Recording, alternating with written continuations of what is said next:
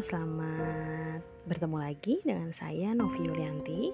Dalam podcast kali ini saya akan membagikan kisah saya sebagai survivor depresi pasca persalinan. Ya, tujuannya apa sih saya ingin berbagi kisah ini? Sebetulnya tujuan utama saya adalah untuk mengedukasi, terutama mengedukasi ibu-ibu yang ada di Indonesia bahkan di seluruh dunia bahwa siapa pun bisa mengalami depresi pasca persalinan tidak terkecuali orang-orang yang memang sudah paham mengenai apa itu gangguan-gangguan psikologis apa yang harus dilakukan ketika kita menghadapi kondisi-kondisi yang tidak nyaman gitu ya sekalipun karena apa? Karena saya sebagai psikolog yang seharusnya saya bisa tanda kutip mengobati diri saya sendiri. Saya tahu teori segala macam dari A sampai Z gitu ya. Tapi kenapa saya bisa terkena postpartum depression atau depresi pasca persalinan?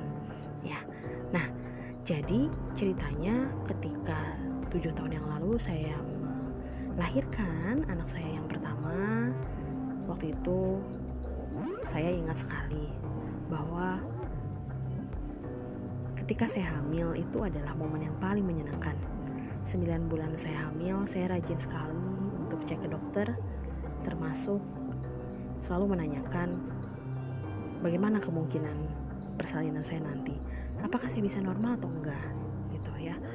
Dan selama itu saya merasa bahagia karena menurut saya menjadi ibu hamil itu adalah hal yang membahagiakan ya. Setiap kali saya membayangkan bahwa nanti saya akan bertemu dengan bayi saya uh, degup jantung saya berdetak kencang. Artinya saya betul-betul tidak sabar sekali bertemu dengan bayi saya gitu ya. Setelah uh, itu pada akhirnya tibalah saya di usia kandungan 39 minggu ya.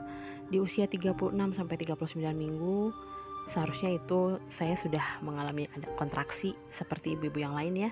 Tetapi pada saat itu saya belum sama sekali mengalaminya.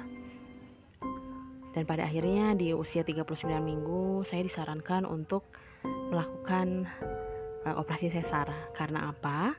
Karena waktu itu saya disarankan oleh dokter bahwa operasi sesar adalah satu-satunya jalan untuk menghindari anak saya uh, menelan air ketuban gitu ya. Karena khawatir nanti air ketuban yang sudah keburu pecah itu masuk ke dalam tubuh bayi dan bayi bisa jadi tidak selamat gitu. Waktu itu saya kekeh sekali untuk tidak mau sesar. Karena apa? Karena selama saya hamil, saya selalu membayangkan persalinan yang normal persalinan yang begitu menyenangkan, persalinan yang begitu gentle bird. Bahkan saya waktu itu sangat rajin sekali mengikuti grup-grup yang ada di Facebook gitu ya. Kalau dulu itu masih marak Facebook. Saya waktu itu sangat rajin sekali mengikuti grup-grup tersebut. Saya mengikuti langkah-langkah apa yang harus dilakukan untuk bisa melahirkan gentle bird. Saya sangat bahagia ketika banyak mendengar testimoni ibu-ibu yang melahirkan gentle bird sehingga saya termotivasi sekali untuk saya harus melahirkan gentle bird gitu ya. Dan karena selama 35 minggu itu dokter tidak pernah bilang apa-apa pada saya gitu ya. Tidak pernah memberikan alternatif persalinan sesar sehingga saya merasa saya sudah optimis bahwa saya akan melahirkan secara normal gitu ya. Hingga pada akhirnya saya harus mendapati kenyataan bahwa saya harus melahirkan secara sesar. Di situ saya sangat terpukul saya sangat shock. Bahkan saya bertengkar dengan ibu dan bertengkar dengan suami saya. Saya berkeyakinan bahwa kehamilan saya masih bisa ditunggu sampai dengan 40 minggu, bahkan 41 minggu. Karena apa? Banyak sekali saya lihat testimoni beberapa ibu gitu ya bahwa kita tetap harus mendengarkan sinyal-sinyal gelombang cinta katanya ya dari janin kita gitu. Walaupun itu kita harus menunggu sampai 40 minggu gitu ya tapi akhirnya dengan banyak pertimbangan keluarga serta suami tetap mendesak saya untuk melakukan operasi sesar dan itu saya sangat terpukul saya merasa gagal sekali sebagai ibu dan itu sedih sekali gitu ya. Sehingga saya ingat sekali ketika besoknya saya mau dijadwalkan operasi sesar semalaman saya tidak tidur sama sekali.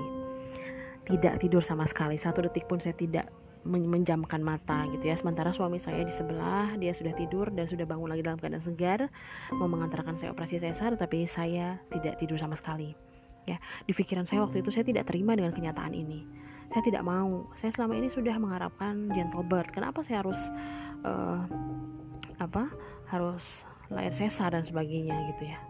Sampai akhirnya saya mau masuk meja operasi. Di situ akhirnya saya perlahan-lahan bisa menerima keadaan saya bahwa saya harus operasi sesar ya setelah anak saya lahir saya bahagia saya menangis sama seperti ibu yang lainnya gitu ya.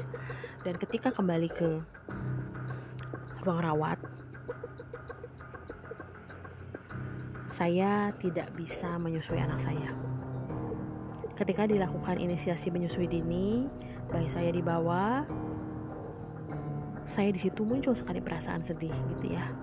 Karena apa? Karena bayi saya tidak bisa menjangkau puting payudara saya. Padahal waktu itu dokter dan susternya bilang bahwa tidak apa-apa gitu ya. Bukan berarti ini e, gagal dan sebagainya. Tapi di situ saya merasa bahwa kenapa anak saya tidak bisa seperti itu dan kenapa saya harus lahiran sesar gitu. Apa mungkin ini terjadi karena saya lahiran sesar bukan normal seperti itu Nah setelah itu uh, saya coba menyusui di hari pertama hari kedua air susu saya tidak keluar sama sekali.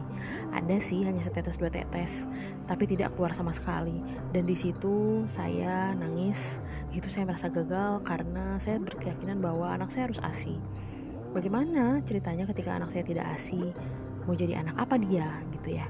Karena ASI itu yang paling utama, yang paling penting gitu. Kalau saya pakai susu formula, saya sering mendengar bahwa susu formula itu banyak sekali negatifnya bagi anak, banyak sekali mudorotnya bagi anak gitu. Sehingga saya lagi-lagi tidak terima dengan kenyataan itu. Dan belakangan ternyata saya baru menyadari bahwa kesulitan anak saya menyusui, kesulitan air susu saya keluar terjadi karena saya pun sudah mulai stres gitu ya karena betul yang namanya ketika kita berada pada kondisi emosi negatif apalagi stres tertekan cemas gitu ya air susu tidak keluar karena pada dasarnya air susu itu distimulasi oleh hormon-hormon yang namanya hormon oksitosin, hormon kebahagiaan gitu. Makanya ketika saya tidak merasakan bahagia maka sama sekali tidak keluar. Sampai akhirnya saya e, pulang dari rumah sakit pun saya tidak mengeluarkan ASI, sulit bahkan di pompa pun hanya dapat beberapa mili saja dan di situ saya semakin terpuruk gitu ya saya setiap hari menangis kemudian uh, setiap malam seperti setiap anak saya menangis saya ikut menangis gitu ya. Jadi setiap bayi menangis saya bukan menenangkan dia bukan menggendong dia tapi saya ikut menangis gitu ya. Kemudian yang mirisnya lagi adalah ketika banyak orang yang uh, menjenguk saya saya selalu mati-matian untuk menyembunyikan botol susu formula gitu ya. Karena saya malu sekali dengan orang-orang yang melihat saya gitu. Saya di situ berpikiran bahwa apa kata orang kalau misalnya anak saya gitu ternyata tidak mendapatkan asi saya nggak mau saya malu gitu ya. Karena di situ saya masih keras sekali gitu ya masih keras hati masih idealis sekali bahwa saya berpikir anak saya tetap harus mendapatkan asi gitu ya. Sampai akhirnya banyak sekali orang-orang yang mungkin tujuannya baik bertanya kepada saya kenapa asinya nggak ada? Ayo coba dan segala macam. Nah semakin mereka bertanya itu saya semakin sakit hati gitu. Dan itu terjadi satu bulan dua bulan makan lebih gitu. Saya juga e, mencoba beberapa kali membaca artikel bahwa oh mungkin ini wajar ya. Tapi karena ini sudah di, dialami berbulan-bulan saya merasa ada yang salah dalam diri saya. Tapi saya belum menyadari dan belum berbicara pada siapa pun terutama atau termasuk kepada suami saya gitu. Sampai akhirnya di usia uh, anak saya 6 bulan hampir satu tahun itu perasaan sudah semakin kacau gitu ya. Artinya uh, saya sudah semakin uh, tidak karuan saya tidak pernah konsentrasi, saya tidak pernah bisa tidur, bahkan ketika bayi saya tidur saya tidak bisa tidur, saya malam itu nggak bisa tidur, siang nggak bisa tidur sehingga saya, saya sangat lelah. Saya pun juga tidak mau melakukan hal apa pun, saya tidak mau makan, saya tidak mau melakukan hal apa pun, saya selalu bertengkar dengan suami saya, uh, saya selalu uh, lalai dalam menggendong anak, saya selalu uh, melakukan kesalahan ketika memegang anak saya gitu. Karena apa? Karena saya tidak pernah konsentrasi gitu ya. Ketika mengambil makanan saya uh, sering kali menjatuhkan piring menjatuhkan gelas. Karena uh, seolah-olah pikiran itu dengan perbuatan itu tidak pernah sinkron gitu. Ya dan di situ konflik sudah mulai terjadi gitu ya. Bahwa suami dan orang tua saya menganggap bahwa kenapa saya seperti ini? gitu bahkan suami saya saya wajar gitu ya. Dia mungkin melihat banyak keanehan kepada saya walaupun saya sudah enam bulan setelah melahirkan tapi kok saya nggak bisa melakukan tugas saya sebagai ibu? Dan situ saya tertekan sekali gitu. Saya akhirnya uh, mulai muncul keinginan untuk saya mati aja deh kayaknya gitu. Karena apa? Karena saya tidak ada gunanya gitu. Saya selalu melakukan kesalahan pada anak saya selalu uh, tidak bisa menenangkan anak. Karena waktu itu setiap anak saya rewel saya tidak bisa menenangkan anak. Anak saya selalu ditenangkan oleh orang lain. Bahkan saya memandikan anak pun saya tidak bisa waktu itu. Sampai usia anak 6 bulan bahkan sampai setahun saya selalu cemas ketika harus memandikan anak saya gitu. Dan itu adalah suatu tekanan yang berat sekali gitu. Sampai akhirnya saya berpikir bahwa sepertinya kalau saya mati itu adalah solusi yang paling terbaik. Coba bayangkan sedihnya gitu ya ketika kita melihat orang lain punya anak itu bahagia, mereka bisa tawa ketawa, saya nggak bisa. Saya selalu berpikir bahwa saya tidak pantas menjadi seorang ibu. Ya, bahkan selain saya berpikir untuk mati, saya juga mulai berpikir bahwa sepertinya yang pantas mati itu bukan saya saja tapi anak saya. Karena ketika yang nanti yang mati hanya saya bagaimana anak saya? Kasihan dia gitu. Ya uh, saya tidak punya keinginan dan minat untuk menggendong bayi waktu itu gitu. Karena tadi perasaan bersalah yang kuat kemudian tidak hanya tidak adanya keinginan untuk mengasuh bayi gitu ya. Sama sekali gitu. Bahkan untuk mandi pun sepertinya saya tidak ada tenaga gitu loh tapi lagi-lagi saya waktu itu belum paham apa yang terjadi pada saya gitu. Walaupun saya waktu itu uh, apa saya waktu itu adalah mahasiswa S2 atau pasca sarjana di di Fakultas Psikologi gitu ya. Sehingga saya juga belum lulus waktu itu gitu. Nah, tapi kan seharusnya gitu ya idealnya saya tahu gitu ilmunya gitu. Saya tahu saya harus mencari bantuan pada siapa tapi saya tidak tidak bisa berpikir jernih waktu itu gitu ya. Bahkan saya waktu itu tidak pernah berani keluar rumah hanya berdua dengan bayi. Bahkan di dalam rumah pun kalau suami saya meninggalkan saya berdua di dalam rumah dengan bayi saya merasa insecure, saya merasa cemas karena apa? Karena sering kali uh, muncul uh, muncul keinginan-keinginan yang buruk gitu, muncul keinginan-keinginan yang buruk uh, untuk apa? Untuk misalnya uh, saya menyakiti diri sendiri atau uh, saya menyakiti bayi dan sebagainya gitu ya sehingga tidak nyaman berada di dalam rumah berdua saja gitu. Nah jadi uh, itu di antaranya pengalaman-pengalaman saya yang yang bisa yang bisa saya bagikan kepada rekan-rekan gitu ya.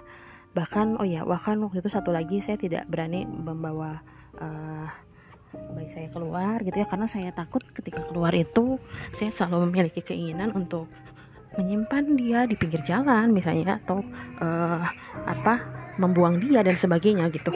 Itu sangat kuat sekali gitu keinginannya. Ya mungkin itu dulu untuk podcast kali ini. Saya lanjutkan di podcast berikutnya ya. Sampai jumpa